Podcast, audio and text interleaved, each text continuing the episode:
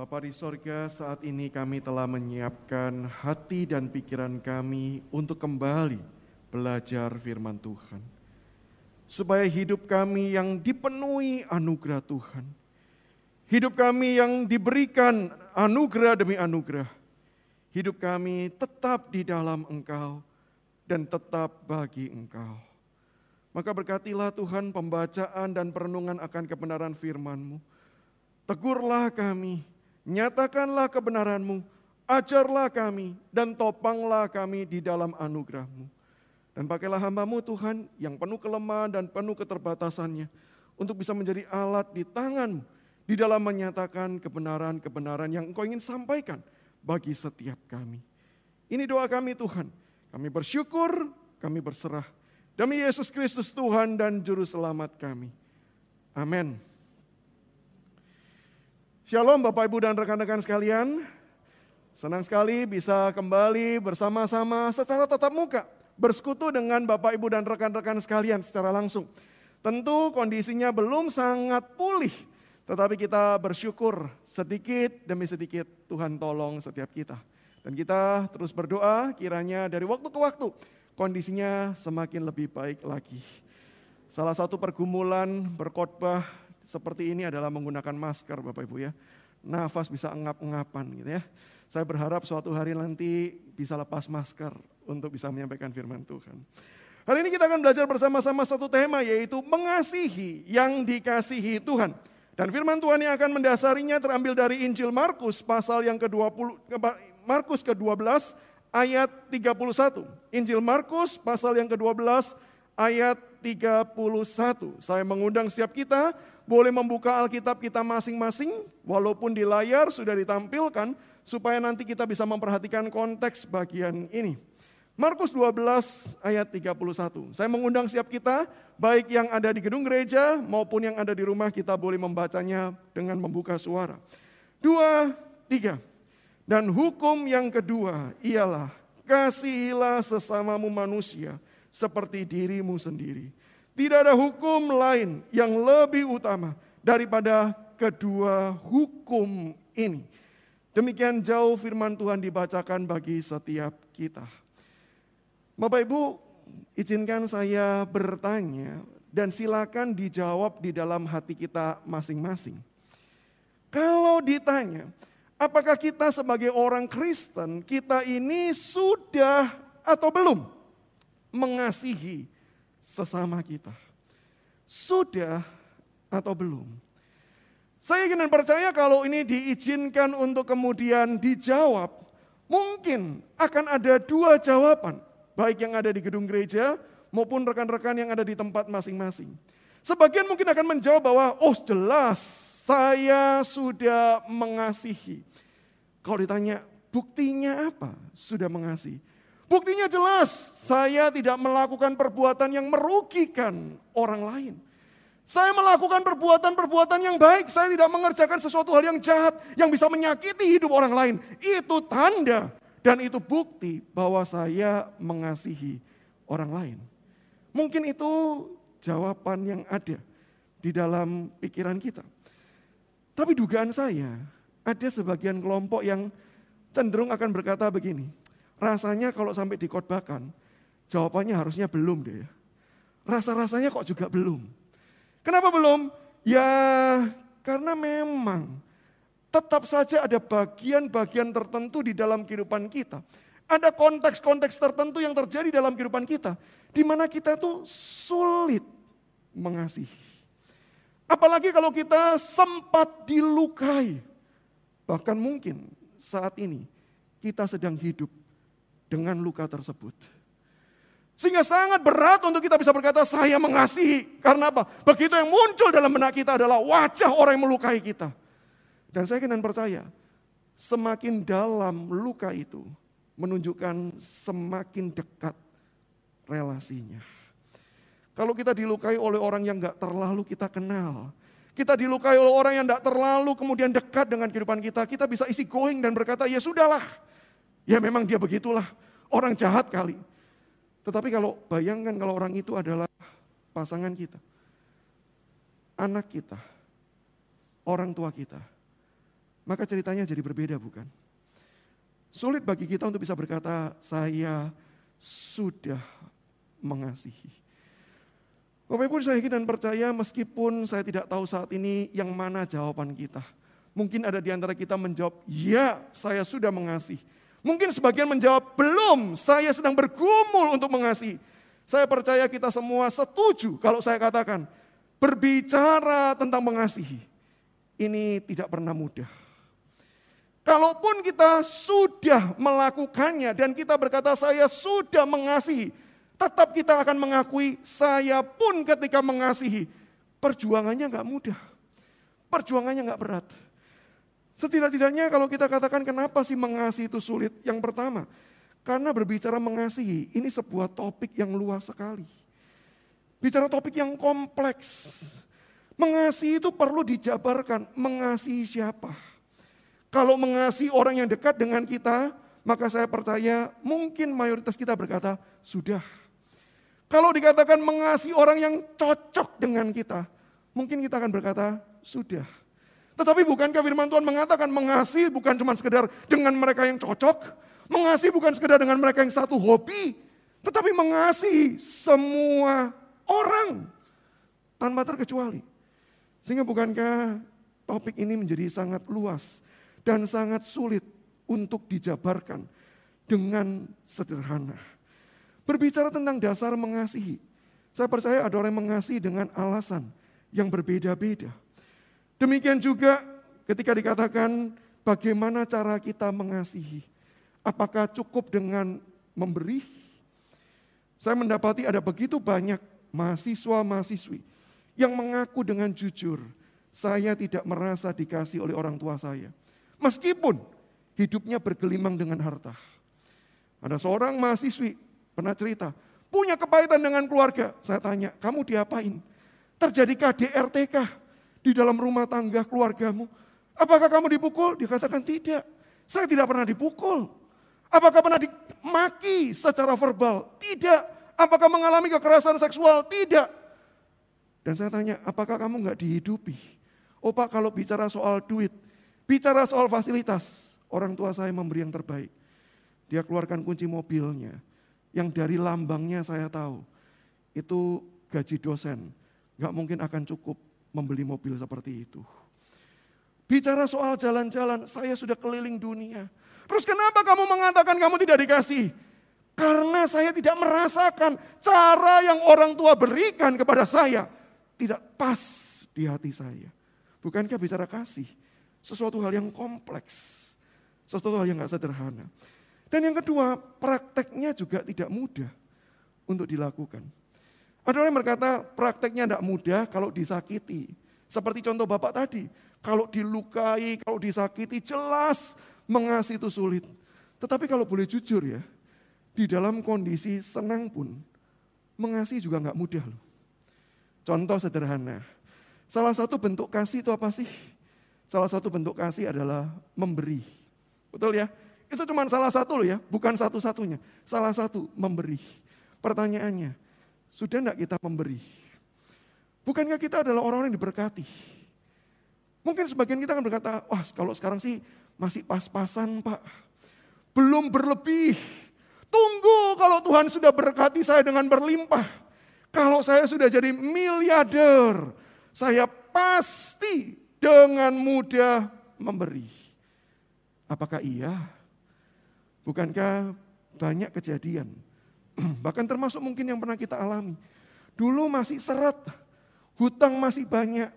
Kita berkata nanti ia memberi setelah Tuhan beri lebih, setelah Tuhan berkati lebih, bukannya tetap sulit bagi kita memberi. Betul? Tetap sulit, tidak mudah bagi kita memberi. Sehingga berbicara tentang kasih di dalam situasi apa pun, kondisi apa pun, tetap tidak mudah. Apalagi hari ini saya mengajak kita berfokus kepada poin yang ketiga tuntutan kasih yang Tuhan berikan bagi setiap kita tuntutan yang tinggi. Tuntutan yang tidak sederhana. Kalau kita hanya mengukur kasih kita sebatas moral universal Yang penting saya tidak melukai, itu sudah sama dengan kasih.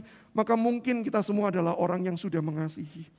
Kalau yang penting adalah saya mengeluarkan sesuatu, entah dasarnya benar atau tidak, yang penting sudah melakukannya. Mungkin kita bisa berkata, saya sudah mengasihi. Tetapi mari kita belajar. Ketika kita dipanggil, ditebus menjadi anak Tuhan. Kasih seperti apa yang Tuhan itu inginkan terjadi dalam kehidupan setiap kita. Yang pertama, tuntutan kasih kita dipanggil untuk mengasihi sesama seperti diri sendiri. Coba hayati baik-baik kalimat ini. Tuhan memanggil kita untuk mengasihi sesama seperti diri sendiri. Kalimat ini mungkin sudah sering kita dengar sehingga kita berkata, amin. Tapi kalau kita pikir serius, ini panggilan yang tidak mudah. Kenapa? Pada dasarnya mengasihi diri itu bertentangan dengan mengasihi orang lain. Seorang yang cinta diri nggak akan cinta orang lain. Maka saya setuju dengan penulis yang mengatakan demikian. Yang membuat kita sulit mengasihi orang lain. Bukan karena orang itu terlalu jahat. Bukan karena orang itu terlalu buruk. Tetapi karena terlalu besar cinta kita kepada diri kita sendiri. Jadi cinta diri itu bertentangan dengan cinta orang lain. Tapi mungkin ada di antara kita berkata, loh tapi bukankah pada kenyataannya ada kok orang yang mengasihi orang lain. Betul, tapi pertanyaannya kasih yang seperti apa? Bukankah kasih yang pertama yang sering kali kita berikan, itu adalah kasih reaksi. Kasih karena kita bereaksi. Apa maksudnya? Tunggu diberi, baru kita memberi. Kalau nggak diberi, ya sudah. Jangan harapkan saya memberi. Bukankah itu yang umum terjadi? Kita mengasihi kalau sudah diberi. Bahkan nanti hitung-hitungan, dia beri berapa, saya balas berapa. Pernah ada seorang yang berkata demikian, eh ini mau cek mau nikah, mau ngasih berapa? Lalu dijawab gini, oh dulu waktu aku nikah, dia kasih aku sekian. Berarti sekarang saya balas dia juga kasih sekian. Dia kasih gopek, saya balas gopek. Kenapa? Ya sama-sama lah. Jadi dasar pemberian karena apa? Bergantung dulu kamu kasih berapa. Kasih banyak, ya sekarang saya kasih banyak. Dulu kasih sedikit, ya kasihnya sedikit. Itu reaksi. Atau yang kedua, Model yang sering kali terjadi adalah kasih investasi. Ada loh orang yang tidak reaksi, tapi kasih dulu. Berikan kasihnya terlebih dahulu. Tetapi dasarnya adalah saya invest. Harapannya ada buah, ada bunga. Saya beri dulu ya kasihnya ya. Harapannya gimana? Nanti kamu balas kasihnya kepada saya. Begitu tidak ada balasan, maka kasih itu pun akan berhenti. Nah Bapak Ibu dan rekan-rekan jangankan kepada sesama. Seringkali kasih kita kepada Tuhan sifatnya investasi. Kenapa pelayanan? Kenapa function? Kenapa melakukan ini dan itu? Bukankah alasannya adalah ya supaya saya dapat, saya menerima semakin banyak. Maka tidak heran ketika kita sudah mencoba memberi yang terbaik, tapi apa yang Tuhan berikan tidak seperti yang kita pikirkan. Apa respon kita? Mayoritas orang berkata, cukup. Saya tidak akan melakukannya lagi. Kasih itu kasih investasi. Atau yang ketiga adalah kasih karena konstitusi. Yang artinya kenapa kamu mengasihi, kenapa kamu memberi? Ya karena disuruh. Karena aturannya. Sebenarnya tidak rela. Tetapi ya sudahlah karena dituntut, karena status, karena jabatan, saya lakukan semua hal tersebut. Maka ini bukanlah kasih kepada orang lain. Meskipun kelihatannya mengasihi, tapi ini bukan kasih kepada orang lain. Semua gambaran ini adalah cinta diri sendiri. Maka ketika Tuhan berkata, kasih sesamamu seperti dirimu. Sebenarnya yang Tuhan Tuhan yang ingin lakukan adalah kita dipanggil untuk melakukan pengorbanan total. Kita dipanggil untuk melakukan pengorbanan total. Seperti apa yang kita berikan kepada diri kita yang terbaik bagi diri kita. Sekarang, semuanya itu berikan kepada orang lain. Apa yang kita inginkan terbaik bagi diri kita. Sekarang, lakukan itu bagi sesama kita. Sehingga kalau ditanya, apa yang tersisa untuk kita? Jawabannya adalah enggak ada. Itu kasih yang Tuhan tuntut. Kasih yang dipanggil untuk kita kerjakan. Berikan semua yang terbaik. Apa yang tersisa buat diri sendiri? Jawabannya adalah tidak ada. Dan Yesus Kristus yang mengajar ini bukan cuma mengajarkan teori. Dia memberikan contoh teladannya. Bukankah dengan jelas di dalam himne kuno yang dikutip oleh Paulus dia adalah Allah yang rela mengosongkan dirinya. Mengambil rupa seorang hamba. Rela menderita. Sampai mati. Yang artinya apa? Total semuanya diberikan bagi manusia yang berdosa. Bagi setiap kita. Sehingga kasih seperti ini yang dituntut. Maka bukankah begitu kita tahu, wah Tuntutan Tuhan seperti ini kita tahu, ini tuntutan yang tidak main-main. Ini bukan tuntutan yang mudah. Yang pertama. Yang kedua, tuntutan kasih yang Tuhan berikan bagi kita juga bukanlah tuntutan yang mudah. Karena apa? Kita dipanggil untuk mengasihi sesama sebagai wujud kasih kita kepada Tuhan. Tuhan mengkaitkan antara kasih kita, relasi kita dengan sesama, dengan relasi kita dengan Tuhan. Sekali lagi, mungkin karena kita terlalu sering mendengarkan hal ini, terlalu sering membaca ini, bahkan ini menjadi ayat hafalan kita. Kasihlah Tuhan Alamu dengan segenap hatimu, dengan segenap jiwamu, dengan segenap kekuatanmu, dengan segenap akal budimu. Itulah hukum yang pertama dan utama. Dan kasihlah sama manusia seperti dirimu sendiri. Karena terlalu sering kita dengar, sehingga mungkin kita tidak menghayati kedalamannya. Maka saya mengajak kita mencoba sekarang melihat apa sih maksudnya ketika Tuhan mencoba mengkaitkan antara kasih kita kepada sesama dengan kasih kepada Tuhan? Saya mengajak kita melihat konteksnya Bapak Ibu. Kalau kita perhatikan ya, kalimat ini Tuhan Yesus jawab, lontarkan. Karena ada pertanyaan yang diberikan oleh ahli Taurat. Yaitu hukum manakah hukum yang paling utama? Di ayat 28. Hukum mana? Hukum yang paling utama. Dan apa sih yang paling utama itu? Yang paling utama itu pertama berbicara tentang yang pertama. Bicara tentang skala prioritas, dia adalah yang paling prioritas. Kedua, yang paling awal dari mulanya. Dan yang ketiga, tidak bisa digantikan dan tidak setara dengan hukum yang lain. Itu maksud pertanyaannya. Jadi ahli Taurat sedang mencoba Yesus kata firman Tuhan mengetes Yesus, sedang mau menjatuhkan Yesus dengan bertanya, hukum manakah yang utama? Yang paling awal, yang terutama. Harusnya jawabannya apa? Jawaban yang benar di dalam tradisi Yahudi itu satu. Menyembah Tuhan Allah dan tidak ada yang lain. Itu hukum yang paling utama. Dan kenapa pertanyaan ini sengaja ditanyakan kepada Tuhan Yesus? Karena kalau kita baca konteksnya di dalam Markus 11, Tuhan Yesus itu sedang menunjukkan identitasnya dengan lebih jelas lagi. Dia bukan sekedar manusia, dia bukan sekedar orang biasa. Dia adalah Allah yang berotoritas atas hidup manusia. Kita baca pasal 11 mulai dengan Yesus masuk ke Yerusalem dan disambut dengan elu-eluan puji-pujian. Hosana, hosana bagi anak Daud. Sebenarnya pujian itu tidak bermasalah. Pujian itu tidak secara langsung menyebutkan Yesus Tuhan, tidak. Pujian itu cuma memberitahu Yesus ini Mesias. Salah enggak? Enggak salah.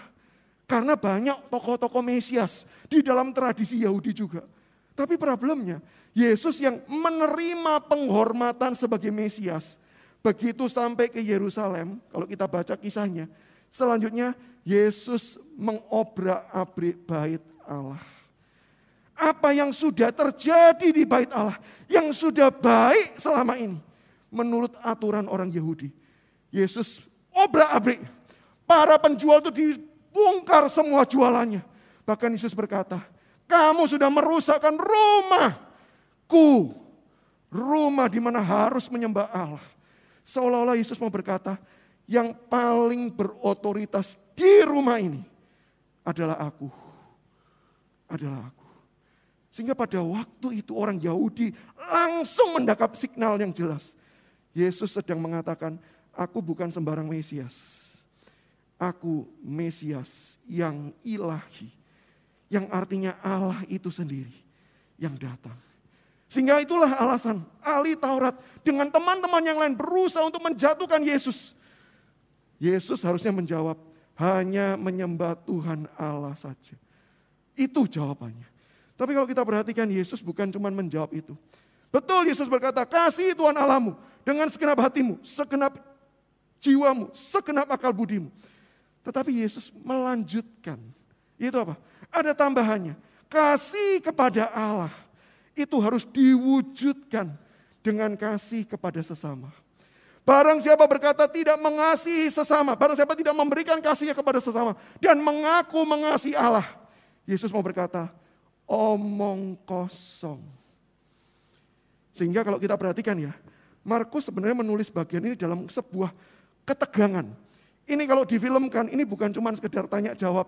Permisi Yesus tolong tanya, hukum yang pertama itu apa? Bukan.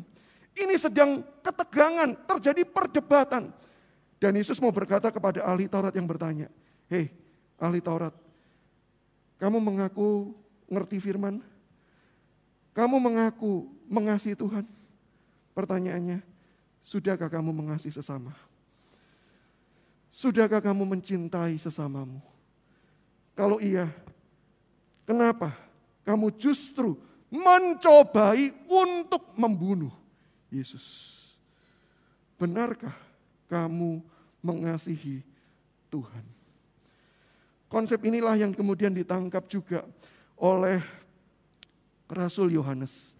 Sehingga ketika di dalam dia menuliskan surat satu Yohanes pasal yang keempat, dia dengan jelas mengatakan, barang siapa tidak mengasihi sesama dan mengaku mengasihi Tuhan, dia seorang pembohong. Barang siapa tidak mengasihi sesama, tetapi mengaku mengasihi Tuhan, dia pembohong. Hari ini pertanyaannya, kita mengasihi Tuhan? apakah kita juga sudah mengasihi sesama? Dan ketika Yesus mencoba mengkaitkan kasih sesama kepada kasih Tuhan, dua hal praktis yang kita bisa pelajari. Yang pertama, panggilan Tuhan bagi setiap kita untuk membangun kehidupan spiritualitas yang tidak ritualistik, egosentris. Kita dipanggil untuk membangun kehidupan rohani yang bukan berfokus bagi saya, diri saya, kesenangan saya, kenikmatan saya. Berapa banyak kita membangun kehidupan rohani kita dengan dasar itu. Kenapa belajar firman Tuhan? Supaya saya merasakan kasih Tuhan. Buat apa kamu pergi ke gereja? Supaya saya diberkati. Semua yang kita kerjakan dengan aktivitas rohani hanya berfokus pada diri sendiri. Itu ritualistik yang egosentris. Maka ketika Tuhan Yesus mengatakan, kasih kepada Allah, itu terkait dengan kasih kepada sesama. Yesus mau mengatakan, kasih spiritualitas yang sejati adalah spiritualitas yang justru mendorong kita hidup berbagi kasih. Bukan sekedar menerima dan menikmati kasih itu. Kehidupan spiritualitas yang sehat adalah kehidupan spiritual yang mendorong kita. Selesai melakukan kegiatan rohani, kita justru akan keluar untuk apa? Menjadi terang. Kita akan keluar menjadi garam. Berapa banyak kita sebagai jemaat Tuhan melakukan ritual dan berakhir di ritual itu sendiri. Tanpa pernah kemudian bertanya, apa sih hubungannya semua ini dengan hidup saya. Gak heran satu kali ketika saya diundang di dalam sebuah persekutuan perusahaan. Yang mengundang saya bukan ownernya, meskipun saya tahu ownernya. Salah satu staf yang mengundang saya satu gereja. dengan sang owner tersebut. Maka kemudian ketika saya diundang datang ke persekutuan, lalu kemudian hadir beberapa pegawai yang juga beragama Kristen dan Katolik. Kristen Protestan dan Kristen Katolik. Kemudian dalam percakapan informal, sebelum mulai persekutuan tersebut, saya bertanya, gimana kerja di sini? Gimana bosnya kan satu gereja, berarti enak ya persekutuannya akrab, karena saling kenal, bisa saling membangun, di kerjaan sudah bekerja sama, di gereja juga bekerja sama. Lalu pegawai yang mengundang itu tersenyum sinis. Karena pada waktu itu belum pandemi, jadi nggak pakai masker. Jadi masih bisa kelihatan kalau senyum apa nggak senyum gitu ya. Dia senyum sinis. Lalu dia berkata, andai kata ya bisa seperti itu. Tanpa menjelaskan detail, dia berkata, yang di gereja tuh beda sama yang di sini. Kalau di gereja, aduh, serupa Kristus dah. Kalau di sini, setan juga belajar dari dia. Kira-kira ngerti lah ya, nggak perlu diceritain detail, sudah kira-kira tahu lah apa yang terjadi. Kenapa bisa seperti itu? Karena semangat rohani yang dibangun adalah ego saya, demi saya, kenikmatan saya, keselamatan saya. Bukankah kita dipanggil diselamatkan Kristus untuk apa? Keluar, memberitakan Injil, menyatakan kasih Allah bagi dunia ini. Itu spiritualitas yang Tuhan inginkan. Dan yang kedua yang Tuhan ingin ajarkan dengan mengkaitkan kasih Tuhan dengan kasih kepada sesama. Tuhan ingin mengajak kita melihat sesama dengan kacamata spiritual. Tuhan ingin mengajak kita melihat sesama dengan kacamata spiritual. Salah satu ayat yang terkenal dari Matius 25. Ajaran Yesus di akhir zaman nanti. Saya bacakan ayat yang 40. Dan Raja itu akan menjawab mereka. Aku berkata kepadamu. Sesungguhnya segala sesuatu yang kamu lakukan untuk salah seorang dari saudaraku yang paling hina ini. Perhatikan. Melakukannya kepada siapa? Orang yang paling hina mereka yang lapar, mereka yang haus, mereka yang telanjang, mereka yang dalam penjara. Yesus berkata, mewakili raja itu, kamu telah melakukannya untuk aku. Cerita ini, ilustrasi ini ingin menjadi sebuah pendorong, pengingat, pengajar bahwa kita dipanggil untuk melihat sesama dengan perspektif yang benar yaitu apa? Setiap orang adalah imago Dei. Ciptaan Allah. Yang diciptakan begitu luar biasa. Ciptaan Allah yang diciptakan dengan kasih, rahmat yang begitu besar. Sehingga itulah yang harusnya menjadi cara pikir kita. Setiap kali kita melihat sesama kita. Tidak peduli siapa pun mereka. Tidak peduli latar belakang mereka apa. Tidak peduli agama mereka apa. Tidak peduli apakah mereka termasuk golongan kriminal atau tidak. Setiap orang patut dilihat sebagai gambar dan rupa Allah. Yang artinya apa? Kalau kita sudah melihat setiap orang sebagai gambar dan rupa Allah, maka saya percaya respon kita kepada mereka akan berubah. Kalau mereka orang spesial, sama seperti kalau kita menjamu seorang pejabat, seorang manusia biasa yang punya status sosial tinggi, kita menjamu dengan luar biasa. Maka bukankah kebenaran ini juga mengingatkan kita, setiap orang ciptaan Allah yang berharga. Tapi izinkan saya memberikan penekanan yang lebih. Di dalam konteks kita berjemaat, bergereja. Kita ini bukan sekadar ciptaan Allah yang luar biasa. Nilai kita bukan sekedar nilai penciptaan. Nilai kita juga adalah nilai penebusan. Yang artinya setiap kita berharga karena Kristus sudah mati bagi kita. Maka betapa celakanya jika kehidupan di dalam gereja satu orang dengan orang yang lain justru bukan mengasihi karena setiap orang sudah dibayar dengan harga Kristus yang mahal tapi justru melihatnya dengan sudut pandang yang berbeda. Maka betapa mengerikannya hal ini. Satu kali saya pernah beribadah di mana di gereja itu hadir dua orang laki-laki yang memadu kasih. Dengan kata lain, homoseksual. Apa yang terjadi ketika sebuah ibadah dihadiri oleh orang homoseksualitas? Yang terjadi adalah pusat perhatian bukan kepada pengkhotbah, pusat perhatian kepada dua orang itu. Siapa yang melakukan? Saya dan banyak orang yang saya lihat di sekeliling saya. Kebetulan dua orang itu ada di posisinya dekat depan saya. Sepanjang ibadah saya nyanyi, pada waktu itu belum ada layar LED yang besar, masih pakai teks, masih pakai buku, sambil baca buku, lihat liturgos, enggak itu saja, lihat orang itu. Seolah-olah pengen tahu, orang homo kalau nyanyi Tuhan gimana ya, memuji Tuhan gimana ya. Ngeliatin terus. Sepanjang khotbah, ngeliatin pengkhotbah, ngeliatin yang ngomong, ngeliatin khotbah, ngeliatin yang ngomong. Dan selesai pulang diajak, yuk salam-salaman, yuk berikan salam. Di zaman belum pandemi, semua orang biasa salam-salaman. Gimana kabarmu? Tidak ada satu orang pun mengulurkan tangan dan menyapa, how are you? Bagaimana kabarmu? Termasuk saya. Termasuk saya. Saya tidak mengatakan homoseksualitas bisa diterima dalam arti bukan dosa. Bukan. Saya tetap percaya firman Tuhan mengajar homoseksualitas itu adalah sebuah dosa di mata Tuhan. Tetapi bukankah pribadi itu adalah pribadi yang dikasih Tuhan. Yang harusnya ketika dia datang ke rumah Tuhan, dia bisa berjumpa dengan Tuhan yang mengasihi dan menuntut perubahan itu. Tapi apa yang terjadi? Di gereja, di rumah Tuhan. Orang berdosa ditolak. Padahal Alkitab berkata, Yesus datang untuk mencari dan menyelamatkan yang hilang. Gereja justru membuang mereka yang terhilang.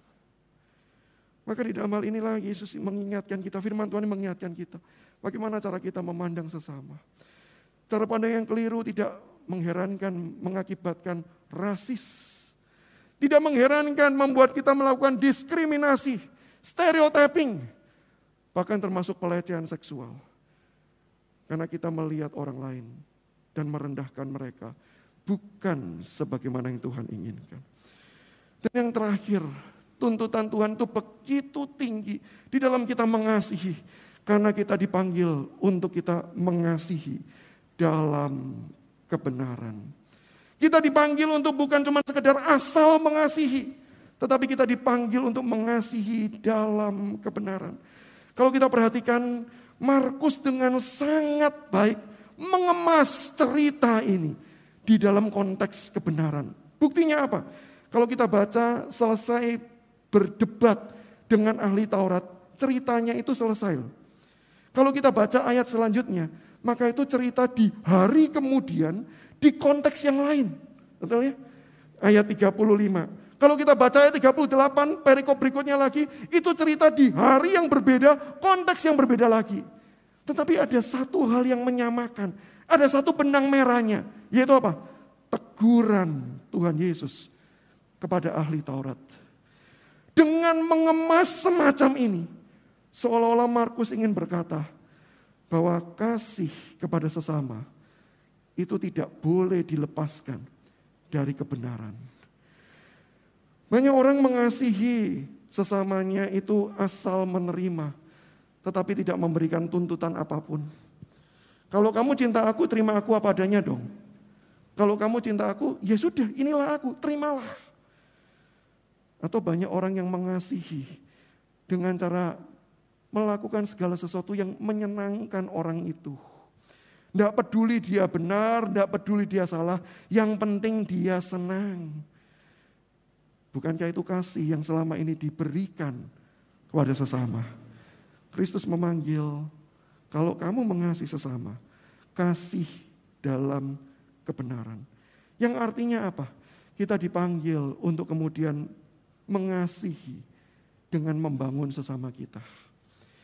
Kasih yang sejati adalah kasih yang membangun, Kasih yang sejati adalah kasih yang mempertumbuhkan. Karena setiap kita lemah, setiap kita terbatas, setiap kita punya kelemahan. Maka ketika kita dikasih oleh orang, maka kasih yang sejati harusnya menolong setiap kita bangkit. Menolong setiap kita bertumbuh. Kalau kita mengasihi orang, kita tahu kelemahannya. Kita harus berbuat sesuatu. Menyatakan kasih kita. Membangun dia. Dan bukan itu yang juga Kristus kerjakan. Yesus mengasihi kita apa adanya, iya. Tetapi dia tidak pernah membiarkan kita apa adanya, seadanya. Dia mempertumbuhkan kita. Roma 8, 28 sampai 30 memberitahu kita dengan jelas. Dia pakai segala macam cara. Segala hal yang terjadi. Untuk apa? Tujuannya satu. Mempertumbuhkan kita. Mengubahkan kita. Menjadi pribadi yang semakin hari serupa dengan Yesus Kristus. Maka kasih yang sejati harus mempunyai unsur membangun.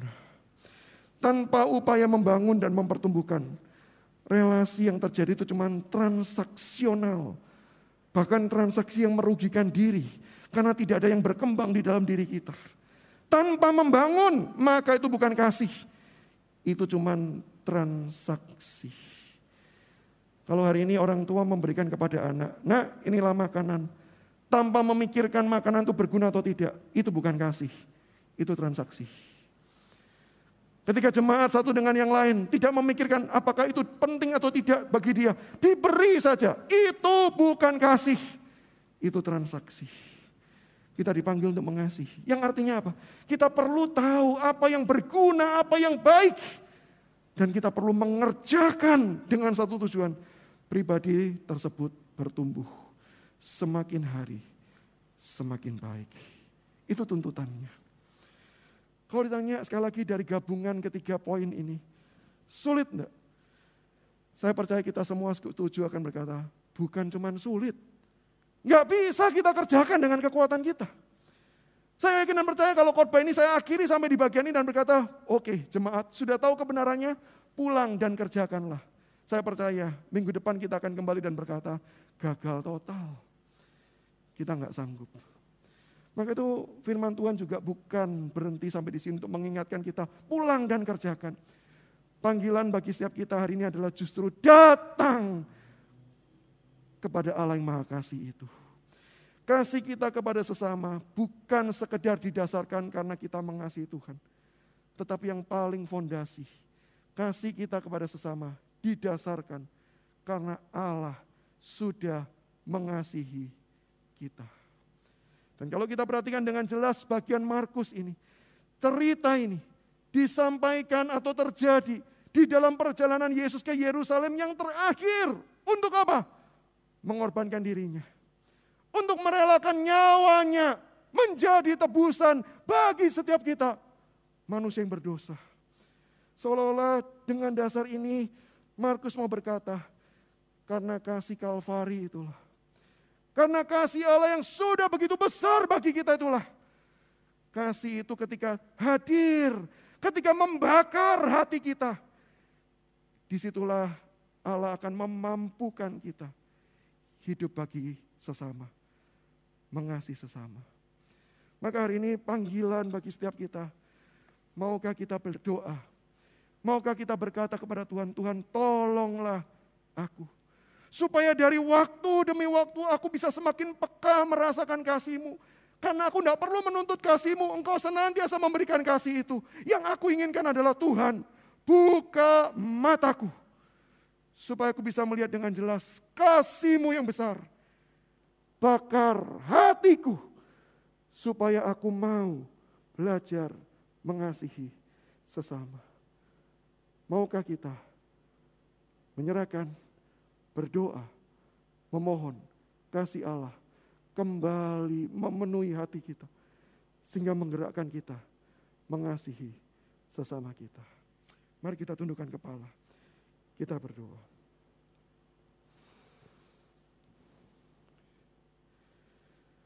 Bapa di sorga, ampunilah setiap kami kalau selama ini kami belum mengasihi seperti yang Engkau inginkan. Ampunilah kami di dalam segala keterbatasan kami. Dan saat ini Tuhan kami bersama-sama memohon. Nyatakan kembali kasih-Mu Tuhan.